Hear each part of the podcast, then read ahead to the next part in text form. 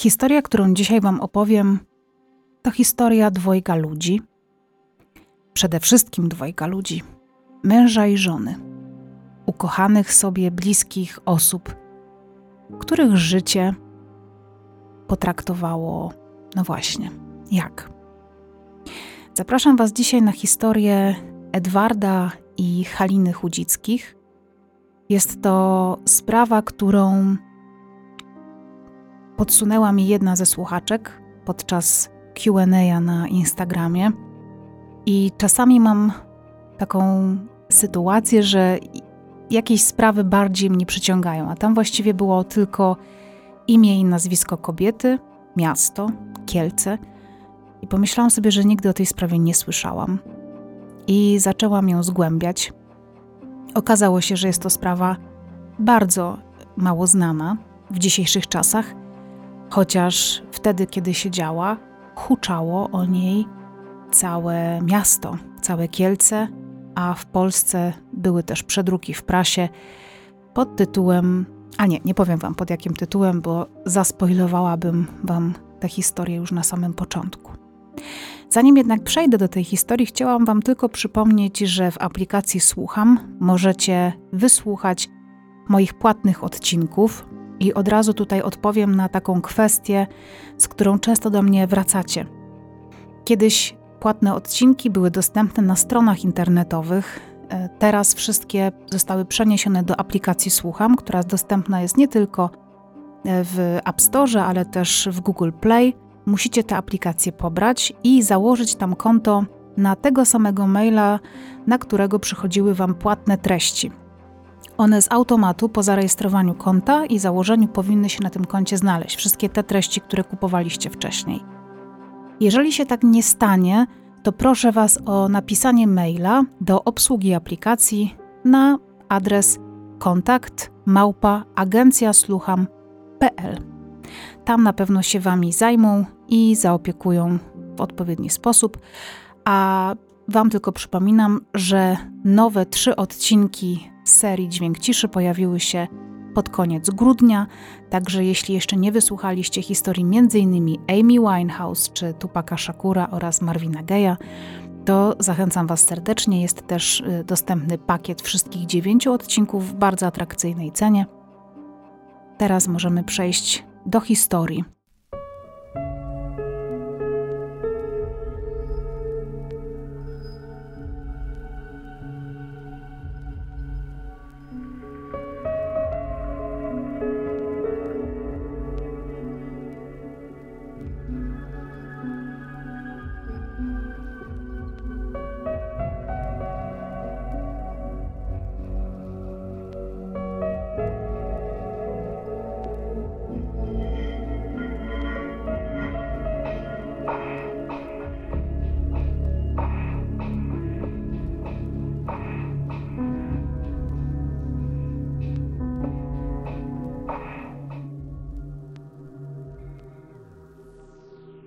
Edward ma 16 lat, kiedy zaczyna pracę. Jest wówczas rok 1958. Pracuje w kombinacie budowlanym w Kielcach. Kombinat to właściwie coś, co dzisiaj już nie istnieje. Mamy wolny rynek. Kombinat było to takie przedsiębiorstwo bardzo rozbudowane, złożone też z kilku drobnych przedsiębiorstw, ale wiadomo, że wtedy większość przemysłu była upaństwowiona, właściwie wszystko było upaństwowione, więc były to takie kombinaty. Zastanawiam się, czy dzisiaj słowo holding byłoby odpowiednim określeniem na coś takiego. Nie wiem, możecie podpowiedzieć w komentarzach, jak dzisiaj kombinat byłby nazywany. On w swojej pracy jest bardzo dobry, jest wyróżniany, nagradzany, ceniony przez wszystkich przełożonych, jakich kiedykolwiek ma i miał, jest też doceniany przez kolegów. Zresztą sam uwielbia pracować. Od początku jego marzeniem, mimo że jest to taki naprawdę srogi PRL, świeżo po okresie stalinizmu w krajach komunistycznych, to on od początku ma bardzo takie, powiedziałabym, kapitalistyczne marzenie. Chce się po prostu dorobić nie kupuje niepotrzebnych rzeczy, jest oszczędny, ale na przykład, mimo że chce się dorobić, to nie kupuje samochodu, kiedy dostaje na niego przydział, nie jeździ też na wakacje, mimo że może. Za pierwszą pensję kupuje matce pończochy. Pończochy to też warto wspomnieć dla wszystkich tych, którzy w tamtych czasach nie żyli. Ja nie żyłam oczywiście też, ale znam te historie z opowieści czy babci, czy różnych ciotek, że pończochy były towarem absolutnie luksusowym. Zresztą dzisiaj już prawie nie ma takiej umiejętności wśród no, kobiet, głównie bo to one się zajmowały takimi pracami domowymi, jak na przykład szycie.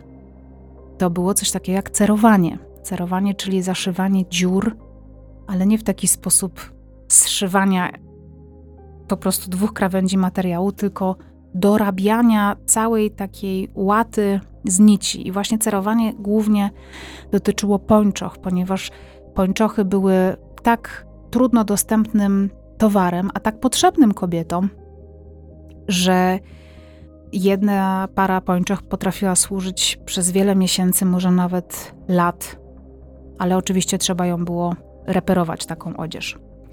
Więc y, za tą pierwszą swoją wypłatę kupuje matce pończochy. Rodzina od samego początku, właściwie kiedy staje się bardziej samodzielny, jest dla niego najważniejsza. On też bardzo szanuje swoją matkę, jest z nią bardzo związany. Za każdym razem, kiedy otrzymuje wypłatę, też pyta jej, czy czegoś jej nie potrzeba, czy w jakiś sposób nie pomóc.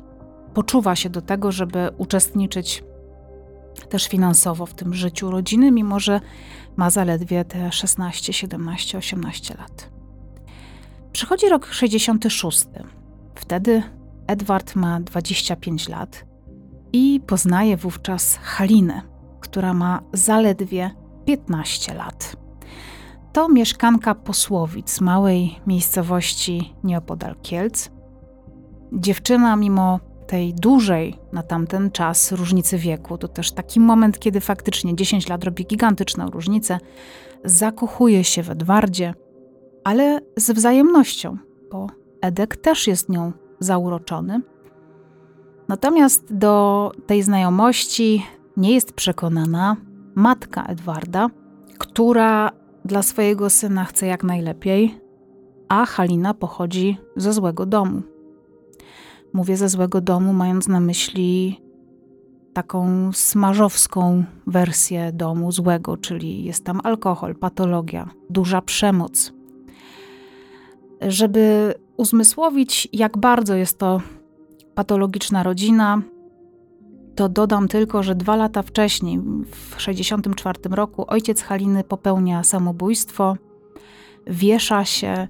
Jest to zresztą taki sposób y, bardzo charakterystyczny dla mężczyzn, szczególnie dotkniętych problemem alkoholowym. Co więcej, tę tragedię odkrywa właśnie Halina, która zastaje ojca po tym czynie samobójczym i odcina linę, czy właściwie pętlę, próbuje odciąć, będzie to dla niej ogromna trauma. Myślę, że dla każdego byłaby to trauma, ale trzeba tu też zaznaczyć, że śmierć ojca dla całej rodziny była pewnego rodzaju wybawieniem. Ojciec oprócz tego, że pił, to był niestety agresorem.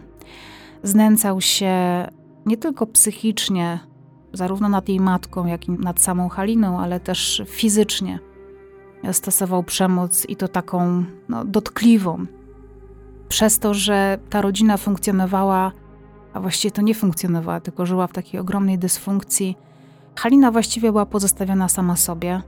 Matka, jako osoba pewnie współuzależniona, tak byśmy to pewnie dzisiaj zinterpretowali, ale mówimy tutaj o latach 50., 60., po prostu nie zajmowała się swoją córką nie przejmowała się nią za bardzo. Myślę, że żyła w, w tym harmonogramie picia swojego męża i tego, w jakim humorze czy stanie wraca do domu. Kiedy Halina zaczyna spotykać się z Edwardem, to ten, kiedy przyjeżdża do e, swojej ukochanej, nie jest zadowolona z tego również matka Haliny. Co więcej, ona nie jest niezadowolona z Edwarda jako przyszłego zięcia. Ona uważa, że on powinien znaleźć sobie lepszą partnerkę, że ta Halina to w ogóle dla niego jest jakaś zła opcja. Więc tak podkopuje trochę szanse swojej córki, ale bardzo możliwe, że ma w tym ukryty cel. Może nie chce po prostu zostać sama. Może boi się tego, że Halina po prostu będzie miała lepsze życie, a w Halinie zaczęło kiełkować powoli to marzenie o lepszym świecie. A ambitny, starszy, samodzielny, zamożny i bardzo pracowity Edward po prostu był świetną partią i nadzieją na przyszłość. Mówimy o roku 66, kiedy Halina ma 15 lat. I ten związek z Edwardem no, musi jakoś funkcjonować. Młodzi wiedzą, że rodziny nie są im przychylne, więc wymyślają, że jedyną opcją na to, żeby Halina wyrwała się z tego swojego nędznego życia, jest ślub. No ale niestety nie można wziąć ślubu, kiedy się ma 15 czy 16 lat. Pozostaje więc opcja wzięcia ślubu, uzyskania na ten ślub zgody sądu, ale na wniosek rodziców. No tutaj akurat już matki tylko Haliny. Ten ślub zostaje zaplanowany na 14 maja 1967 roku. I kiedy dowiaduje się o tym matka Edwarda, no oczywiście wyraża swoje ogromne zaniepokojenie albo właściwie to niezadowolenie z tego tytułu, że po co, że to jest bardzo młoda dziewczyna, że weźmie sobie dziecko właściwie na wychowanie, że nic takiej kobiety dobrego nie będzie, że z żadnego dobrego domu. Natomiast Edward wtedy mówi swojej matce, że mamo, przecież nie żenię się z jej rodziną, tylko z nią. Był Edward bardzo zakochany w Halinie i zdeterminowany do tego, żeby wziąć się po prostu pod swoje skrzydła i stworzyć jej dom, jakiego nigdy nie miała i o jakim pewnie zawsze marzyła.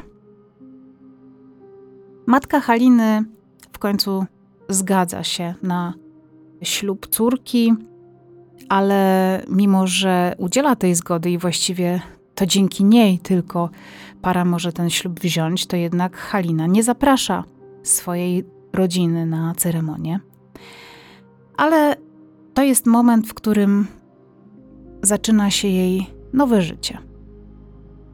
Para, młoda para, zaczyna mieszkać razem i włóczą się między Cedzyną, w której mieszka Edek, a Posłowicami, miejscowością, z której pochodzi Halina.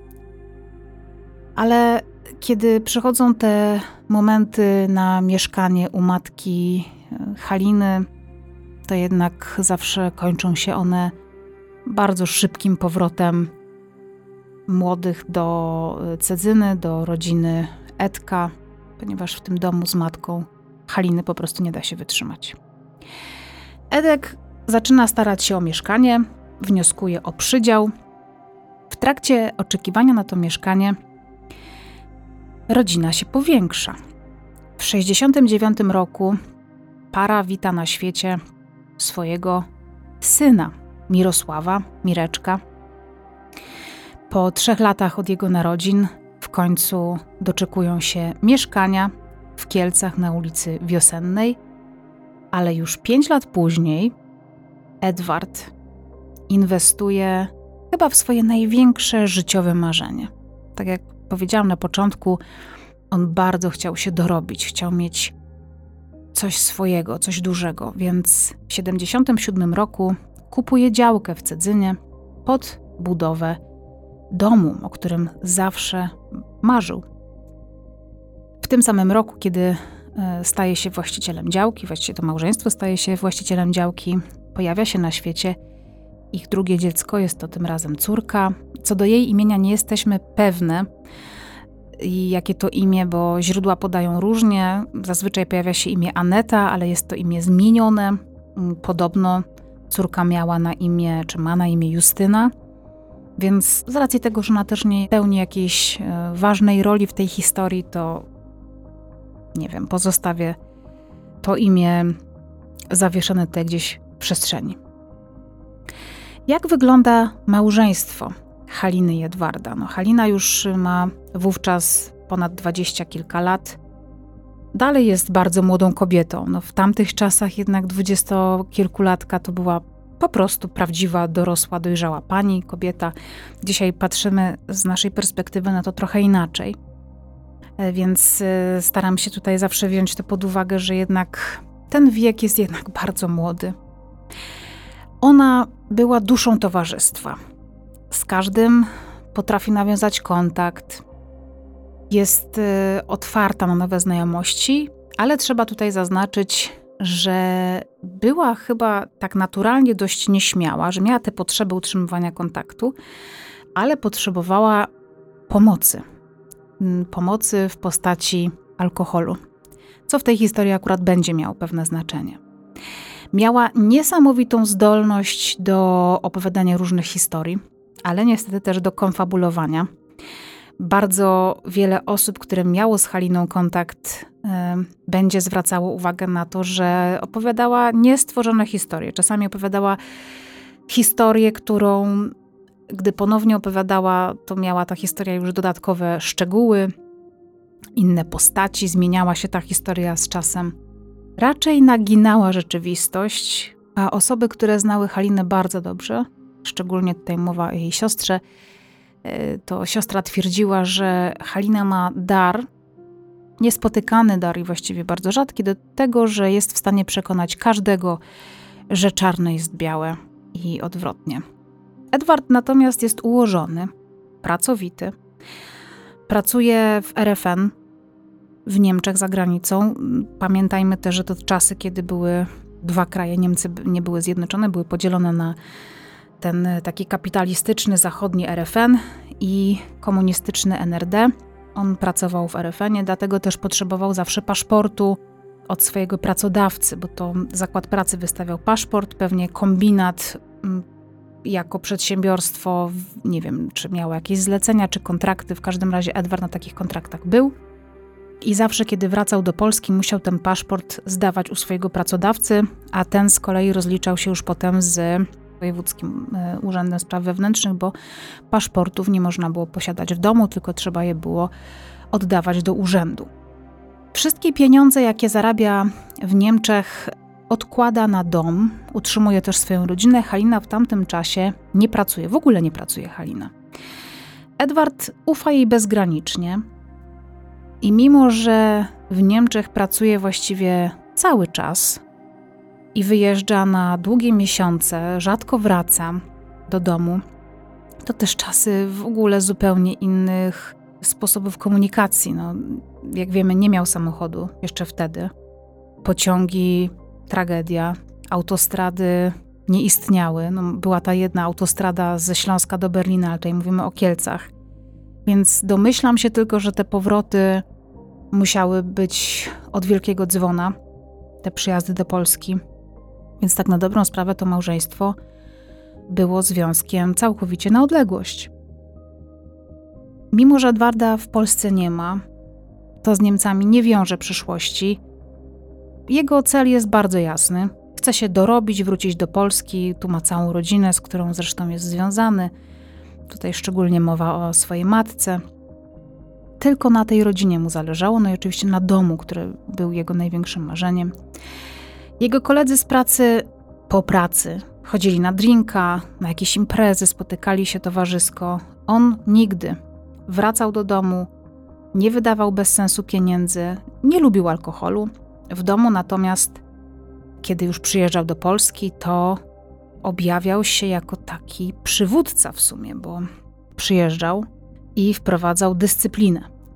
Dzieci, e, kiedy widywały ojca, no szczególnie tutaj mowa o córce, która jednak właściwie nigdy swojego dzieciństwa nie spędzała z ojcem, bo jeszcze kiedy Mirosław był mały, no to ojciec był w domu, pracował w Kielcach, ale córka nie miała nigdy tej możliwości, żeby z ojcem żyć na co dzień.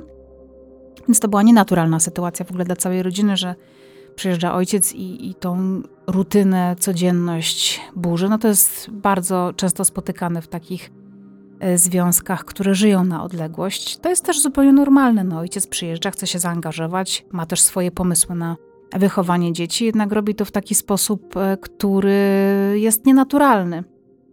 Często wprowadza taką nadmierną dyscyplinę. Co prawda nie jest agresywny, jak na tamte czasy nie jest agresywny, ale niestety dzisiaj inaczej oceniamy na całe szczęście przemoc domową, ponieważ no, stosuje wobec dzieci klapsy, spuszcza jakieś tam lanie. Chociaż kiedy Mirosław będzie dorosły, będzie mówił o tym, że na każde takie lanie sobie zasłużył. Wtedy no jest to po prostu metoda wychowawcza. Więc jest to powiedzmy normalne. Tutaj daję cudzysłów. Przychodzi moment, w którym Edward postanawia zainwestować pieniądze w samochód, a właściwie od razu w dwa samochody. Kupuje Poloneza, kupuje też Żuka. Żuk, mam wrażenie, że jest mu potrzebny przede wszystkim do tego, żeby ogarniać rzeczy i tematy związane z budową domu. Natomiast Polonez jest samochodem na tamten czas bardzo nowoczesnym, bardzo luksusowym. Dobra, może nie luksusowym, ale jest samochodem, o jakim każdy marzy, więc e, nie sądzę, żeby do Poloneza ładował jakieś materiały budowlane, więc jest to po prostu taki samochód rodzinny. Jest to powiedzmy coś, co pokazuje na zewnątrz status materialny Edwarda i Haliny. Kiedy już ma samochód, to za każdym razem, kiedy przyjeżdża w odwiedziny do rodziny, kiedy przyjeżdża z Niemiec, przywozi dywany, ubrania, mandarynki, gumy do rzucia, słodycze, pewnie jakieś napoje. No, można sobie tylko wyobrazić. Wszystko, co kolorowe, smaczne, pachnące, świeże, zachodnie. Cały samochód od podłogi do sufitu jest wypchany tymi darami. I to są takie momenty, które pewnie dla Edwarda są no wspaniałe może podzielić się swoją rodziną, dać jej coś dobrego. Zresztą Edward mówi Halinie, że mają tyle tego dobrego, tyle tych rzeczy, których po prostu nie ma wówczas w kraju, że trzeba się tym dzielić, więc on też daje to i swojej rodzinie, matce, jakiemuś tam siostrzeńcowi, czy siostrzenicy, czy bratankowi, bratanicy. Nie wiem, jaki tam jest układ y, rodzeństwa, ale na pewno Edward ma rodzeństwo który też ma dzieci, więc on tym dzieciakom też przywozi rzeczy. Ale Halina nie lubi się tym dzielić. E, ja akurat y, trudno mi zrozumieć takie podejście. Ja, ja sama lubię rozdawać rzeczy, no ale rozumiem powiedzmy, że Halina tego męża nie ma na co dzień, że rzeczywistość jest zbyt szara, zbyt nudna, że może dla Haliny ten kolor te smaki, zapachy, ten powiew zachodu jest na tyle cenny, że woli go zostawić dla siebie bardziej i dla swoich dzieci niż się dzielić. Takie przykłady, jak bardzo Halina nie lubi się dzielić, to na przykład taki, że gdy Edward przywozi torby mandarynek, to na przykład Halina uznaje, że danie dwóch mandarynek na całą rodzinę, na przykład jakieś tam rodzeństwo Edwarda, to jest wystarczająco dużo na tym tle są między małżonkami kłótnie, ponieważ Edwarda to strasznie denerwuje. Wkurza się wówczas, więc garściami ładuje te łakocie do toreb y, i rozwozi rodzinie. Co więcej, Halina, kiedy Edward już wraca do Niemiec z powrotem, to później chodzi i każe sobie oddawać za to pieniądze. Jest taka sytuacja, kiedy wyobraźcie sobie, Edward kupuje swojej siostrzenicy jeans prawdziwe w Niemczech. W Polsce wówczas jest to towar absolutnie niedostępny. Jest dostępny tylko w Peweksach i to za, oczywiście tam się kupowało za dolary albo za bony, ale jeansy są po prostu wartości, nie wiem, no może nie telewizora dzisiaj, ale były bardzo drogim towarem. Mało kto w ogóle miał jeansy. Więc y, siostrzenica, która dostaje te jeansy, no wiadomo, cudowna rzecz, jest przeszczęśliwa, marzy o tych jeansach. I kiedy Edward wraca do Niemiec, to Halina idzie do tej rodziny i po prostu każe za te dżinsy zapłacić. Każe oddać za nie wówczas 90 tysięcy złotych, gigantyczna kwota. Rodzina Edwarda jest zszokowana, no bo Edward nic nie mówił, że to, to trzeba oddać pieniądze. Halina mówi, że ona sama nie ma pieniędzy, że to trzeba oddać. Rodzina mówi, no, że okej, okay, że możemy zapłacić, ale nie mamy 90 tysięcy, mamy tylko 9, a Halina mówi, dobra, może być i 9. Więc ewidentnie widać było, że po pierwsze na żadne pieniądze nigdy nie było mm, takiej umowy między Edwardem a jego bliskimi, a po drugie wcale nie chodziło o jakiekolwiek oddawanie długu, tylko po prostu o wyłudzanie tych pieniędzy na własne życie. Edward na zewnątrz sprawia wrażenie hojnego, dobrego, dobrodusznego mężczyzny, ale trzeba też przyznać, że dla swojej żony już nie jest taki dobry. Pamiętajmy o tym, że on do roku przyjeżdża może dwa, trzy razy. Pewnie na Wielkanoc, Boże Narodzenie i może gdzieś w lato ma jakiś urlop. A wiemy, że tak się nie da wychowywać dzieci, nie da się uczestniczyć y, w życiu rodzinnym. Szczególnie, że jego kontrakt w RFN trwa 5 lat, od 79 roku do 85, to znaczy na przełomie 79 i 80 zaczyna pracować i do 85 w tych Niemczech siedzi. Halinie brakuje nie tylko Edwarda jako partnera, jako ukochanego, ale też po prostu jako męża, ojca dzieci. Wychowywanie dzieci jest bardzo trudnym zadaniem. Utrzymywanie domu, no oczywiście, ona nie musiała pracować, ale to nie znaczy, że to była jej wymarzona ścieżka życiowa. Siedziała z dziećmi sama. Kiedy dzieci poszły do szkoły, to siedziała w domu sama. No, można się nudzić, można nie mieć wówczas poczucia sensu w życiu. Ona się czuła bardzo osamotniona, tym bardziej, że ze swoją rodziną e, nie miała dobrych kontaktów, bo rodzina, tak jak wiemy, była specyficzna, żeby nie powiedzieć patologiczna. Co więcej, kiedy Halina chciała zacząć pracę, kiedy na przykład już dzieci były w wieku szkolnym, to Edward nie pozwalał jej pracować. Miał taką teorię, że kobiety powinny siedzieć w domu, że to właśnie dom jest tym miejscem, gdzie kobieta powinna się znajdować. On zarobi na wszystko, a Halina ma się po prostu nie przejmować. Halina była po prostu, no, można powiedzieć, uwięziona w tym układzie. Jest jej ciężko. E, dostaje od męża, co prawda, pieniądze, ale jest y, z nich też bardzo mocno rozliczana. No wiemy, że Edward nie kupował sobie niczego, nie chodził nawet przez te 6 lat czy 5 z kolegami na żadne piwo, na żadne imprezy. Mm, wiem, że impreza to brzmi hucznie, no ale powiedzmy na jakieś spotkania towarzyskie. Patrzył na złotówkę z dwóch stron. Więc um, Halinie było dość ciężko, bo nie dość, że miała ten dom na swojej głowie, to kiedy Edward się w końcu w domu zjawiał, to wprowadzał swoje rządy.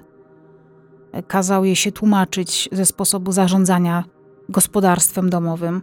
Nie był zadowolony. Zawsze jej wypominał, że tu za dużo wydaje, tu coś jest źle zrobione. Na przykład Halina miała takie marzenie, żeby jakoś udekorować mieszkanie, w którym mieszkali, że chciała je sobie jakoś urządzić po swojemu i marzyła o tapetach. A Edward na przykład nie pozwalał nigdy tych tapet położyć na ścianach, bo miał jakąś teorię, że ściana musi oddychać, że to jest y, zaklejanie. Y, no wiecie, każdy ma jakieś tam swoje teorie, więc mimo, że w ogóle go nie było w tym mieszkaniu przez 5 lat, no pojawiał się, liczmy nawet na 3 tygodnie, to jest 21 dni z 365, a musiało być jednak po jego myśli bardzo wiele rzeczy zrobionych, więc rozumiem rozgoryczenie Haliny, które też na pewno y, narastało przez lata. Do tego wszystkiego, e, kiedy dzieci dojrzewają, dorastają, szczególnie tutaj mowa o synu, o Mirku, e, to e, Edward zaczyna wobec niego stosować, tak jak powiedziałam parę minut wcześniej, przemoc fizyczną, kiedy syn w jakiś sposób się buntuje albo, nie wiem, wchodzi w jakiś wiek dojrzewania, może pojawiają się gorsze oceny, może zdarza mu się do ojca odnieść bez szacunku, albo może z mniejszym szacunkiem. Więc zdarza się, że regularnie dostaje od ojca jakieś lanie, nie wiem jakie jest to lanie, czy jest to klaps, czy jest to policzek, czy są to jakieś pasy. No w każdym razie są um, sytuacje, w których Mirek obrywa, ale co więcej, Halina także zaczyna y, dostawać od y, Edwarda lanie. Też nie wiem, jak bardzo jest to lanie zaawansowane. W ogóle strasznie nie lubię tego słowa lanie W każdym razie Edward stosuje przemoc fizyczną y, wobec syna, wobec Haliny. Z tego co wiem, akurat córce się nigdy nie obrywa, ale może dlatego, że po prostu Edward z nią nie ma żadnej praktycznie relacji. Może jest y, dlatego tak, że dziewczynka jest dużo młodsza, że jest malutka, że jest dziewczynką. Nie mam pojęcia. A może po prostu nie wiemy o tym, że stosował taką przemoc wobec córki. Siostra Haliny wspomina nawet, że kiedyś nocą przyszła do niej właśnie Halina, pobita, z córeczką, prosiła o pomoc, o schronienie. Mówiła, że nie wytrzyma dłużej i chyba popełni samobójstwo. O tym, że Halina jest bita przez e, Edwarda od pewnego momentu wie zarówno jej siostra, jak i jej matka, natomiast rodzina Edwarda raczej nie jest tego świadoma. Życie Haliny i Edwarda płynie monotonnie, aż do 1981 roku, kiedy Edward jakiś czas wcześniej podarowuje swojemu synowi, Mirkowi, motocykl. Nie wiem, czy to jest motocykl, czy raczej motorynka. Mirek jeszcze wtedy ma zaledwie 12-13 lat, więc raczej nie jest to czas na prawdziwy motocykl, chociaż czasy też były troszkę inne. Inaczej też na to patrzono, jeżeli dziecko jeździ na prawdziwym jednośladzie. W każdym razie Mirek, jako pasjonat motoryzacji, chętnie na tym motocyklu jeździ, ale niestety dochodzi do wypadku na tym właśnie motocyklu, w wyniku którego doznaje on tak poważnego urazu nogi, że grozi mu amputacja. W tym czasie Edward przybywa w Niemczech, nie przyjeżdża do Polski, nie odwiedza syna. Dopiero kiedy jego stan robi się na tyle poważny, a lekarze w szpitalu rozkładają ręce, Halina potrzebuje wsparcia męża, głównie do tego, żeby chociażby ktoś zajmował się córką, kiedy ta zostaje sama w domu, bo Halina jeździ po różnego rodzaju placówkach, specjalistach, chcąc uratować nogę swojego dziecka. Edward wówczas wraca na kilka tygodni, zostaje w Polsce, e, wspiera żonę, wspiera syna, ale kiedy sytuacja okazuje się już właściwie no, złagodzona, ponieważ nogę Mirkowi udaje się uratować, wraca do RFN i tam kontynuuje swoją pracę. Ale ten wypadek syna zmienia Halinę. Wyciąga ją przede wszystkim z domu. Zawsze chciała być matką, panią domu, ale odkrywa w sobie, że jednak chce też trochę niezależności, potrzebuje kontaktu z drugim człowiekiem. I to właśnie po wypadku Mirka odkrywa w sobie to, że kiedy jest w szpitalach, y, w gabinetach lekarzy, poznaje innych ludzi i to ją otwiera na świat. I to powoduje w niej odkrycie takiej gigantycznej potrzeby i również tego, że ona z kontaktów z drugim człowiekiem ma po prostu ogromną przyjemność. Zaczyna tworzyć sobie grono znajomych, dobrze się czuje w towarzystwie, zaczyna też szukać pracy. Niestety, jako że nie jest osobą wykształconą, ona też w szkole nie uczyła się zbyt dobrze, nie szło jej najlepiej. No też trudno oczekiwać od dziecka, które w domu ma piekło, że będzie się pilnie uczyć. Nie ma wykształcenia, nie ma żadnego doświadczenia zawodowego, więc jest to dla niej trudne. Finalnie wyląduje jako kucharka w stołówce na Politechnice w Kielcach. Tam będzie pracować, tam też stworzy swoje grono znajomych. I właśnie to, że Edka nie ma w domu, sprawi, że Halina będzie chętniej spotykała się z nowymi ludźmi, których poznaje w ciągu swojego życia, niż ze swoją rodziną, a przede wszystkim z rodziną Edwarda, bo to właśnie ta rodzina zwróci na to uwagę. No, rodzina Haliny po prostu ma z nią jakiś tam kontakt, ale to rodzina Edka, która bacznie Halinę obserwuje pod nieobecność swojego krewnego, będzie na to zwracać uwagę. Mijają lata, przychodzi rok 1985, dom w Cydzynie się cały czas buduje, powoli, mozolnie. Ale to właśnie w sierpniu 1985 roku ten dom zostaje okradziony. Nie wiem do końca w jaki sposób, ponieważ on nawet nie jest urządzony. Ale podejrzewam, że na budowie są tam materiały budowlane, takie nie wiem, jak na przykład glazura czy jakieś farby.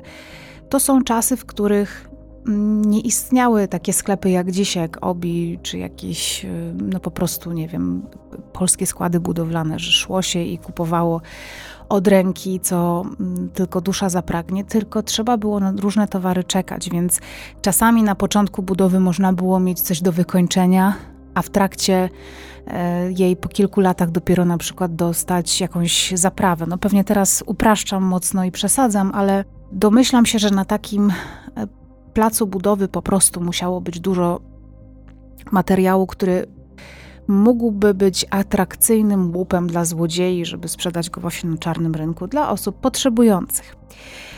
Ten dom zostaje okradziony, a łupem złodziei pada towar na wartość około 2 milionów złotych, tamtych 2 milionów złotych.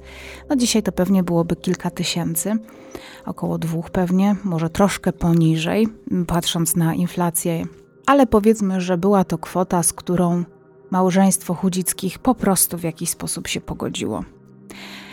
Przechodzi listopad i to właśnie 1 listopada, chociaż są źródła, które mówią, że było to pod koniec października, ale ja przyjmuję tego 1 listopada. Halina wzywa taksówkę, nie wiem czy bierze ją z ulicy, czy dzwoni po taksówkę. Przyjeżdża taryfa e, z kierowcą Stanisławem Kwiatkiem, w którym Halina się zakochuje. Poznają się przypadkowo, nie jest to zaplanowane spotkanie, i bardzo szybko pomiędzy Stanisławem a Haliną rodzi się uczucie. Stanisław jest nieszczęśliwy, jest w małżeństwie, e, w małżeństwie z dziećmi, ale to małżeństwo od długiego czasu go nie satysfakcjonuje, więc mm, tym bardziej łączy to dwoje nieszczęśliwych ludzi, osamotnionych, i tak wybucha romans. Mijają już teraz tylko dni i tygodnie, bo 22 grudnia Edward wraca z RFN. I to jest czas i moment, w którym Halina już y, właściwie jest zupełnie oderwana uczuciowo od Edwarda, do którego uczucie po prostu przez lata jego nieobecności wygasało. Do tego wszystkiego powroty Edwarda z Niemiec nie były płomiennymi momentami między małżeństwem, tylko były okresami, w których właśnie Edward wprowadzał swoje rządy, krytykował Halinę, skupiał się głównie na swojej rodzinie. Jeżeli miał kontakt z dziećmi, to też raczej taki właśnie polegający na musztrowaniu tych dzieci. Więc Halina po prostu prawdopodobnie swoje uczucie do Edwarda też już spisała na straty, ale niestety, dla Haliny niestety, Edward oznajmia jej wtedy, podczas tego powrotu, że jest to jego powrót na stałe. Halina się tego absolutnie nie spodziewa. I być może kilka lat wcześniej ucieszyłaby się z tego faktu, ale właśnie od kilku tygodni jest szczęśliwa po raz pierwszy od wielu lat. Chociaż też warto zaznaczyć, że Stanisław, e, taksówkarz, e, z którym Halina jest wówczas związana, nie jest jej pierwszym romansem, ponieważ e, wcześniej spotykała się, ale raczej na luźniejszych zasadach, mniej romantycznych, z innym mężczyzną.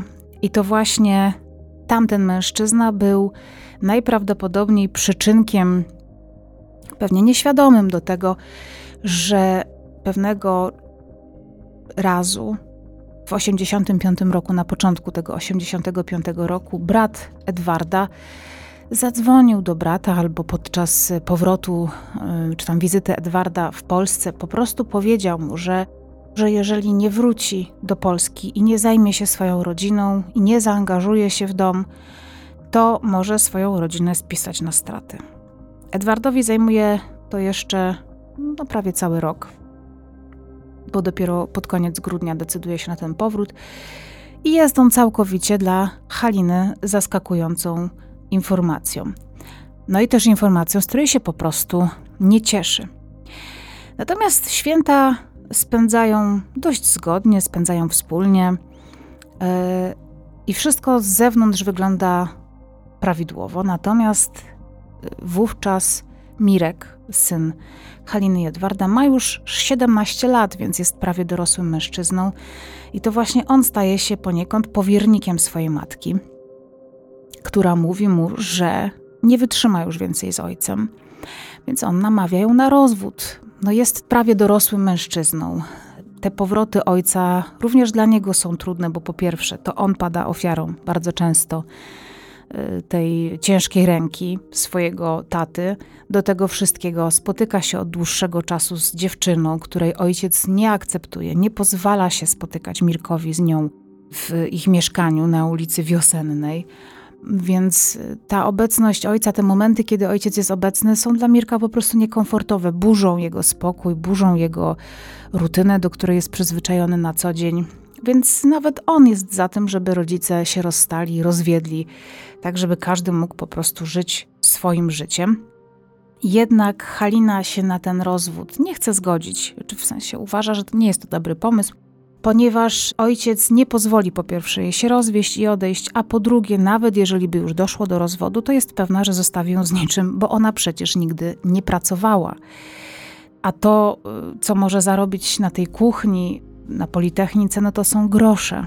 A jednak jako rodzina trzyosobowa, no powiedzmy czteroosobowa, bo Edwarda nie liczymy jako członka gospodarstwa domowego, którego trzeba utrzymać, no to z takiej jednej pensji kucharki ona nie jest w stanie utrzymać zarówno córki, jak i syna, i siebie. No poza tym jest, są przyzwyczajeni do pewnego poziomu życia, odkąd Edward pracuje za granicą. W nocy z 30 na 31 grudnia 1985 roku dochodzi do poważnej kłótni. Edward y, jest pijany, może nie pijany, ale pod wpływem alkoholu, zasypia na wersalce. Kłócą się najprawdopodobniej o to samo: o zarządzanie Haliny pieniędzmi albo o to, że ona ma potrzeby, których y, Edward nie pozwala jej realizować. Halina, kiedy Edward zasypia, otwiera butelkę wódki, wypija setkę. Ma odwagę, tak jak na samym początku powiedziałam, ta wódka dodawała jej odwagi i idzie do pokoju Mirka. Mirek czyta książkę, jest wieczór. Kiedy Halina wchodzi do pokoju Mirka, oznajmia mu, że podjęła decyzję, że kończy z ojcem. Początkowo dla Mirka jest to po prostu wyznanie tego, że matka ma dość i postanawia się z ojcem rozwieść. Jednak po chwili dociera do niego, co tak naprawdę Halina do niego mówi. Bo Halina mówi mu, że chce go zabić, że ojciec jest pijany, leży na kanapie i jest po prostu łatwym w tym momencie celem. Mówi mu, że potrzebuje wsparcia i pomocy, ale Mirek nie chce się w to zaangażować. Mówi, że absolutnie to jest najgorszy pomysł, jaki jest możliwy. Namawia ją do tego, żeby nie robiła, żeby poszukała innego rozwiązania, żeby zmieniła zdanie. Jednak Halina potrafiła go przekonać do swoich racji. Użyła prawdopodobnie swoich niezwykłych zdolności perswazyjnych i wciągnęła tym samym Mirka w swój plan zbrodni. Halina daje mu wódkę, mówi, że ma stać w drzwiach i będzie jej potrzebny tylko do pomocy w przeniesieniu zwłok, że ona wszystkim sama się zajmie. Więc Mirek słucha jej, pewnie jest w szoku, jest też pod wpływem alkoholu, dość dużych dawek, bo oni piją po, po 100 ml na raz. Um, Halina idzie do łazienki, z której wychodzi z siekierą, którą prawdopodobnie jakiś czas wcześniej sobie już przyszykowała, bo siekiery miejsce nie było nigdy w łazience. Nawet nie wiem, czy w ogóle mieli siekierę w domu. Przypominam, że mieszkają w bloku jeszcze w ten czas. Idzie do pokoju, gdzie leży Edward i zadaje mu dwa ciosy. Kiedy Mirek ujrzy swoją matkę całą we krwi, zacznie panikować. Ona wtedy znowu poda mu wódkę na uspokojenie. Sama też tę wódkę pije. Prosi też syna o pomoc w przeniesieniu zwłok do wanny, no bezwładne męskie ciało jest ciężkie. Mirek jej pomaga, on chwyta za nogi, Halina za ręce i kiedy umieszczają ciało Edwarda w wannie, Halina postanawia na chwilę odpocząć. Cała we krwi zapala papierosa, znowu pije wódkę.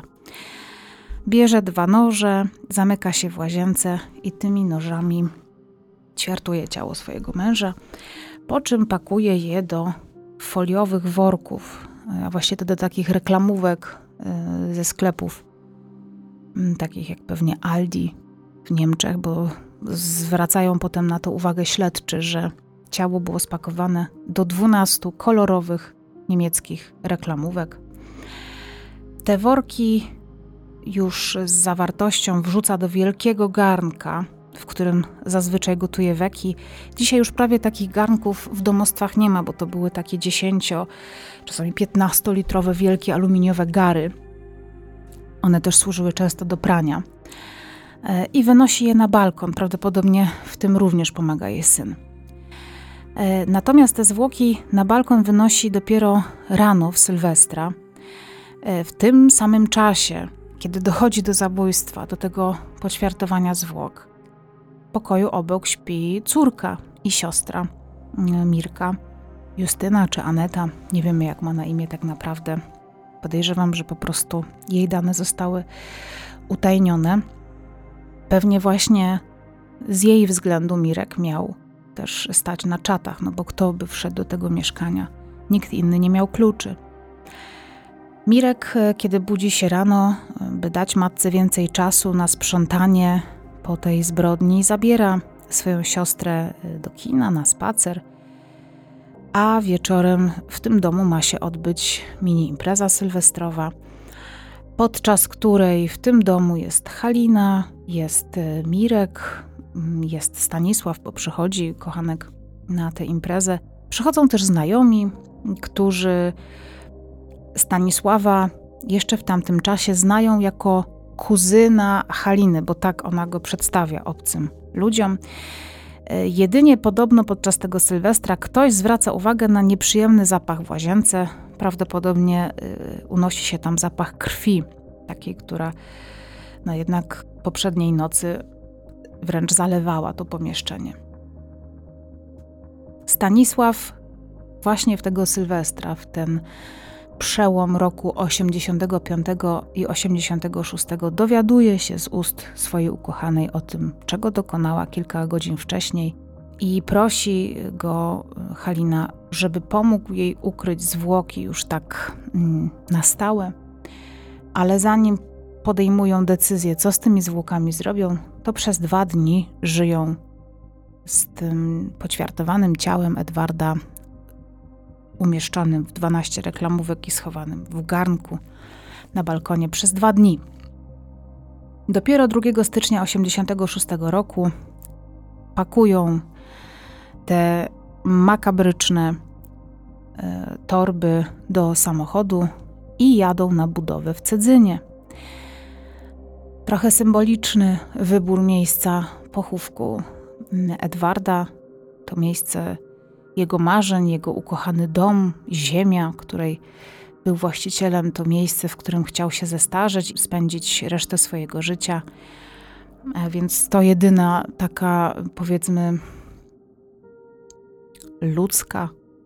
Chociaż nie, absolutnie wycofuję się z tego. Podejrzewam, że po prostu ta budowa była wyborem naturalnym, ponieważ mieli dostęp nieograniczony do miejsca, w którym trwał no, trwała budowa, remont, więc można było niepostrzeżenie tam e, zakopać czy ukryć zwłoki. I właśnie tak decydują się, postanawiają, że miejscem pochówku, właśnie tym miejscem ukrycia tych zwłok będzie kanał w garażu. Po kilku dniach o Edwarda zaczynają pytać oczywiście jego bliscy, brat, matka. Halina mówi im, że Edward wyjechał znowu do Niemiec na trzy miesiące.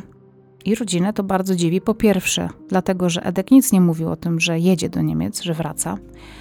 Miał przecież zostać na stałe, a po drugie w ogóle się z nimi nie pożegnał, a on zawsze się żegnał, był z nimi bardzo, bardzo zżyty. No ale przyjmują te informacje, pomyśleli sobie pewnie może, że nie wiem, para się pokłóciła, albo że po prostu Edek został pilnie wezwany, no nie wiem, cokolwiek więc e, przyjmują to. Jednak zaczyna ich niepokoić to, że mijają kolejne tygodnie, a Edward się do nich nawet nie odzywa, nie dzwoni, Znaczy, nie dzwonił super regularnie, ale jednak na te rozmowy telefoniczne rodzina się umawiała. I kiedy te trzy miesiące mijają, zaczyna się wiosna, to wraz z tą wiosną zaczynają kiełkować podejrzenia. Pierwsze podejrzenie, jakie pojawia się, to y, jest podejrzenie w głowie brata e, Edwarda, ponieważ y, zaczyna zauważać, że trochę się zmieniła rzeczywistość. Mianowicie Polonez, który stale był zaparkowany w tym garażu w Cedzynie, w tym, w tym nowym domu, nagle zmienił miejsce swojego pobytu i stale stał pod blokiem w Kielcach. Ciągle był używany przez Mirka, który już miał swoje prawo jazdy. Ten samochód, mimo że był używany przede wszystkim i wyłącznie przez Edwarda kilka razy do roku, kiedy przyjeżdżał do Polski, no, marnotrawstwo samochodu, e, to teraz był notorycznie używany przez Mirka. Brat Edwarda wiedział, jakie jest jego podejście do tego samochodu i było to dla niego dziwne. Ponadto podczas e, jednych z odwiedzin e, w domu Edwarda i Haliny, no, ktoś zauważa, że w tym domu był remont jakiś i przede wszystkim na ścianach są tapety, a Edward nienawidził tapet, nie był ich zwolennikiem, uważał, że to jest to zaklejenie ścian i sprawienie, że one się po prostu będą e, no, będzie tam pleśń kwitła i grzyby, bo ściany i mury muszą oddychać. Do tego wszystkiego mm, w tym mieszkaniu coraz częściej pojawiają się inni ludzie. Halina zaczyna żyć dość aktywnie, prowadzi aktywne życie towarzyskie, e, zaczyna więcej pić alkoholu. Mm, jakbyśmy to dzisiaj przeczytali pewnie w jakichś kartotekach, dochodzi nawet do libacji alkoholowych. Do tego wszystkiego w domu zaczyna mm, notorycznie pachnieć, właśnie to śmierdzieć papierosami. A w tym domu nigdy nie wolno było palić. Co więcej, a propos papierosów, to to najlepiej pokazywało, że Halina jednak musiała się bać Edwarda, ponieważ ona nałogowo paliła papierosy, ale Edward tego po pierwsze nie akceptował, a po drugie nie wiedział. Więc przez tyle lat związku, nawet kiedy jeszcze Edward był w Polsce, a potem kiedy był w Niemczech, Halina ukrywała przed swoim mężem palenie. I nawet w tym czasie, kiedy Edward był w Niemczech, to ona nawet nie paliła w swoim mieszkaniu tych papierosów. A tutaj nagle bez ogródek, tapetuje mieszkanie, a do tego wszystkiego zaczyna w nim palić. No, tak jakby przestała się bać. W kwietniu 86 roku w Rejonowym Urzędzie Spraw Wewnętrznych w Kielcach, to jest wówczas odpowiednik po prostu komendy policji, zostaje zgłoszone zaginięcie Edwarda, które składa jego brat.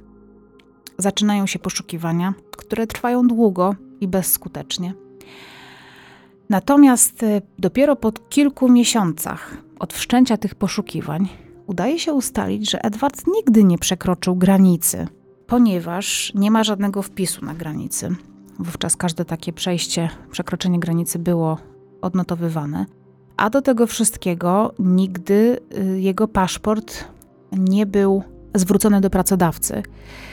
To znaczy też, że ten paszport Edward musiał mieć przy sobie, a skoro miał go przy sobie i mógł przekraczać granicę, a tego nie zrobił, to znaczy, że został w kraju. Nie ma oczywiście pewności, że to jest dowód na 100%, dlatego że zdarzało się czasami tak, że ktoś, kto granicę przekraczał, mógł źle wypełnić dokumenty. Celnik z kolei źle wprowadzał je do systemu. Nie ma też rejestrów takich elektronicznych, tak jak dzisiaj, więc trzeba było po wszystkie takie dokumenty jeździć na zachód, na granicę, albo pocztą po prostu takie rejestry sprawdzać, czy no za pomocą poczty, więc to wszystko trwało miesiącami. I dopiero mm, kiedy przychodzi maj 86 roku, ma miejsce taka bardzo dziwna sytuacja, ponieważ pod koniec maja córka Edwarda i Haliny ma komunię, więc wszyscy liczą na to, że na tak ważną uroczystość rodzinną Edward po prostu przyjedzie. Jest zgromadzona cała rodzina, zarówno Haliny, jak i Edwarda.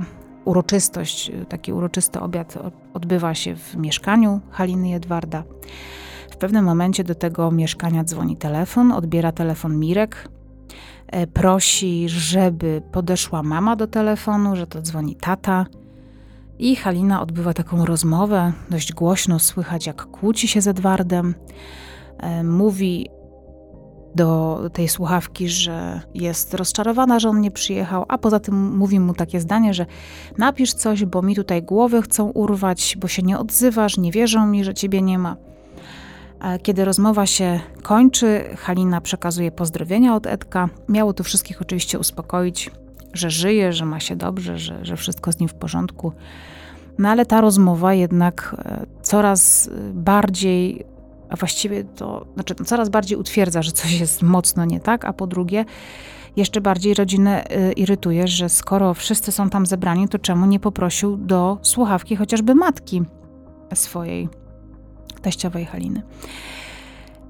I tak życie płynie jeszcze przez kilka miesięcy, bo w sierpniu 86 roku do brata Edwarda przyjeżdża w odwiedziny kuzyn.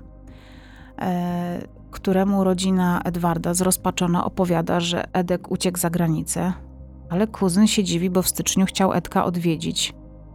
Więc pojechał do domu do Cedzyny, gdzie zastał Halinę i Mirka, którzy byli wystraszeni, że taczkami wywozili ziemię na tej budowie i betonowali kanał w garażu. Ten kuzyn rozmawia wówczas z Haliną. Halina E, w ten czas mówi mu, że kanał się zapadł, że muszą go naprawiać. Ten kuzyn wtedy też jest zdziwiony, że Halina robi to sama, bo y, nic na ten temat nie wie. No, ona nigdy nie zajmowała się żadną budowlanką ani remontami. Czemu w ogóle nie poprosiła o pomoc jakiegoś mężczyzny albo fachowca, albo brata, nie wiem, no, czy nawet tego kuzyna? I to, kiedy słyszy brat Edwarda, no całkowicie go to szokuje, ponieważ y, nigdy Halina się tą budową nie interesowała. Postanawia więc pojechać na tę budowę, niby po rower dla swojej córki. Prawdopodobnie w tym domu po prostu, z racji tego, że to był budynek no, w stanie jakimś tam surowym, zamkniętym, nie wiem, pewnie były okna, to po prostu też dopóki się tam nikt nie wprowadził, to można było y, magazynować różne rzeczy. Wziął ze sobą też miarkę, żeby sprawdzić ten kanał. I jak tylko dojechał, to widział, że ściany tego kanału są pokryte wapnem, a przecież y, wiedział, że Edward przygotowywał podłoże pod płytki, pod y, kafelki. Wiedział o jego planach, a pod y, glazurę nie daje się wapna, więc to już go zaniepokoiło. Coś na pewno było nie tak. Zaczął mierzyć te ściany, kanał, i bo wiedział też, jaki miał być głęboki, wyszło mu z tych wszystkich pomiarów, że kanał nagle stał się dużo płytszy. No i niestety to go mocno niepokoi, więc jedzie zgłosić to na milicję i milicja przyjmuje takie zgłoszenie. Przychodzi 8 sierpnia, wtedy ma miejsce e, wesele rodzinne. Jest to też na pewno wesele od strony rodziny Edwarda, ponieważ jest tam jego rodzina. Halina na tym weselu świetnie się bawi, tańczy, pije alkohol, Y, jest bardzo wesoła i radosna. Ktoś w trakcie tego wesela po nią przyjeżdża, znika Halina na 2,5 godziny. Kiedy wraca po tej dziwnej wycieczce, po tym zniknięciu, jest niezadowolona ewidentnie, że rodzina Edwarda jeszcze jest na tej imprezie. Wszyscy wówczas y, obserwują Halinę, bo no, nikt ze strony rodziny Edwarda nie jest wesoły, nie jest skory do imprezowania, ponieważ cały czas martwią się o swojego bliskiego, którego uważają już wówczas za zaginionego. A Halina wydaje się być tym zupełnie nawet nie zainteresowana. Nie mówiąc o tym, że w ogóle nie wydaje się być zaniepokojona. Rodzina Edwarda ponadto zauważa, że cała rodzina Haliny od zniknięcia Edwarda dziwnie się zachowuje, wszystko jest inaczej. Mirek pije dużo alkoholu, zaczyna mm, ostentacyjnie wręcz palić papierosy, na, na, co nigdy by mu ojciec nie pozwolił, zresztą na tym tle też wybuchały między nimi awantury. Do tego wszystkiego dziewczyna Mirka, której nie akceptował Edward, właściwie cały czas przesiaduje w tym mieszkaniu. Panują zupełnie rządy inne niż za czasów Edka, tak jakby nikt już się nim nie przejmował. Do tego wszystkiego, tak jak wspominałam wcześniej, Mirek używa sobie e, samochodu ojca jak chce.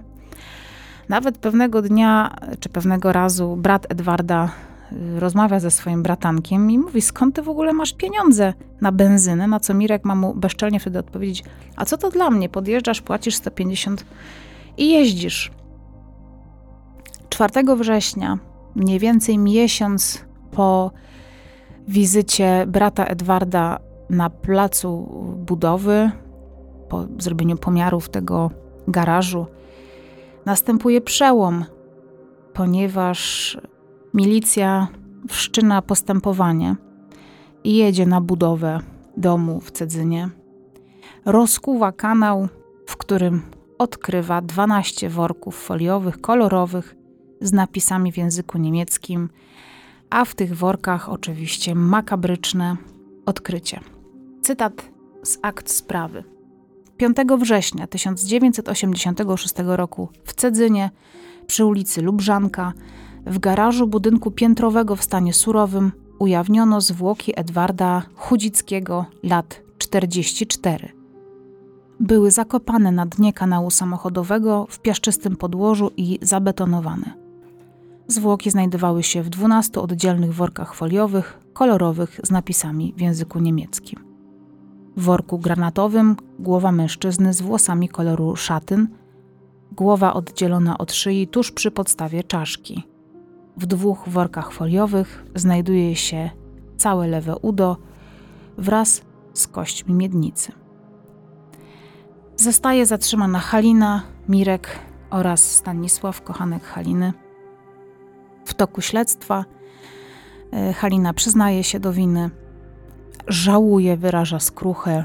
Eksperci mm, stwierdzają u niej osobowość histeryczną ze zdolnością do rozwoju afektu. Obrońca Haliny w taki sposób kierował tą sprawą, czy taką wymyślił linię obrony, że e, Halina była ofiarą e, takiej przemocy długotrwałej, psychicznej, także fizycznej i ekonomicznej Edwarda nad nią, że ją uwięził, zniewolił, znęcał się nad nią. Dzisiaj powiedzielibyśmy też, że gaslightował. Wielokrotnie dochodziło do przemocy. Proces jest bardzo głośny, relacjonowany przez prasę, szczególnie lokalną, ale też w prasie krajowej pojawiają się artykuły pod tytułem Pani zabiła pana, jest to cały cykl. Sprawa kończy się wyrokami. Halina dostaje 25 lat pozbawienia wolności, czyli w sumie najwyższą w tamtym czasie karę oprócz kary śmierci. Mirek zostaje skazany na 10 lat więzienia, a Stanisław na 5. Halina wyszła po 21 latach, dokładnie w wigilię świąt Bożego Narodzenia, 24 grudnia 2007 roku. Swoją karę odbywała w Czersku, to w województwie pomorskim. E, sąd uznał, że te 21 lat więzienia sprawiły, że Halina zrozumiała swój błąd. Zresztą ona wyrażała przez cały swój pobyt w zakładzie karnym skruchę, żałowała tego. Była bardzo podatna na resocjalizację. W toku swojej kary E, otrzymała ponad 300 różnego rodzaju nagród. To jest taki też system w więzieniach. E, zresztą polecam Wam taki kanał, nazywa się Nemezis. E, to jest były osadzony w więzienia, co prawda skazany na zaledwie pół roku, ale opowiada świetnie o pobycie w więzieniu i też jest taki cały odcinek o systemie nagród, który to jest potem świetnym argumentem do tego, jeżeli chcielibyśmy uzyskać w więzieniu jakieś przywileje albo właśnie wnioskować o przedterminowe zwolnienie. Przez resztę odbywania kary, kiedy już była warunkowo wypuszczona na wolności, miała kuratora, który z kolei 6 września 2011 roku, jak podaje Kielecka Wyborcza, Kurator chwalił skazaną za współpracę, napisał m.in., że nie uchylała się od dozoru, że ma krytyczny stosunek do popełnionego przestępstwa, a rokowania co do jej przyszłości są pozytywne. Więc od 2011 roku Halina przebywa na wolności. Co do tego, jak odbywała karę, reszta oskarżonych, reszta skazanych nie wiemy. Nie wiem, jaką karę e, finalnie odbył Mirek, ile lat w więzieniu siedział e, Stanisław. Przyjmuję zatem, że siedzieli tyle lat, ile dostali. I tyle wiadomo o losach Haliny. Mam nadzieję, że dzisiaj prowadzi życie spokojne, że żyje, że jest zdrowa i że żyje jej się dobrze. Historia straszna, makabryczna, ale też y, taka. Właśnie nie chcę, żeby to zabrzmiało tak, jakbym Halinę w jakikolwiek sposób rozumiała, bo nie rozumiem. Chociaż rozumiem może takie poczucie, że nie widziała innego wyjścia e, z tego małżeństwa, ponieważ zostałaby z niczym po tylu latach małżeństwa, po kilkunastu, no bo skoro Mirek miał wówczas 17 lat, to jednak to małżeństwo już trwało około 20. Ponad 20, przecież ona miała 16, gdy wyszła za Edwarda za mąż. E, trudno mi się w e, Halinę wczuć, ale przyjmując, że jest to zabójstwo właśnie z takich pobudek, tak jak stwierdzili mm, eksperci i biegli, że miała zdolność do afektu, że miała osobowość histeryczną. Nie wiem, czy nie chodzi o histrioniczną, ale okej, okay, histeryczną, tak jest napisane. Więc y, może faktycznie nie była w stanie podjąć racjonalnej decyzji i mądrej decyzji, czyli podjęła taką, która wydała jej się jedyną możliwą i dobrą. Nie wiem, jak związek Haliny i Stanisława y, potem na przestrzeni lat się toczył, ale domyślam się, że no już się nie toczył, skoro rozdzielono ich w zakładach karnych. Jeżeli macie jakieś informacje na temat tego, co się potem działo z tą rodziną, z domem, ale w, oczywiście bez jakichś podawania adresów, danych, y, autowania całej rodziny, absolutnie do tego, do tego nie namawiam. Y, to napiszcie mi proszę maila, tak z ciekawości, co tam się dalej działo. Może, może wiadomo na przykład właśnie, co się ze Stanisławem i z Haliną działo po skazaniu. Może mieliście jakieś informacje, szczególnie jeżeli właśnie jesteście z Kielc, gdzie prasa lokalna żyła tą sprawą. Powiem wam tyle, że numery e, gazet, w których ukazywał się ten cykl Pani zabiła Pana, e, wyprzedawały się na pniu. Ludzie się wręcz zabijali o te wydania gazet. To potem też rozpoczęło taką całą dyskusję, czy to jest etyczne i właściwe, żeby z tragedii robić taką sensację, którą żyło całe miasto, a właściwie to całe województwo kieleckie w ten czas. Dziękuję Wam bardzo za uwagę. Dbajcie o siebie i bądźcie bezpieczni. Do usłyszenia.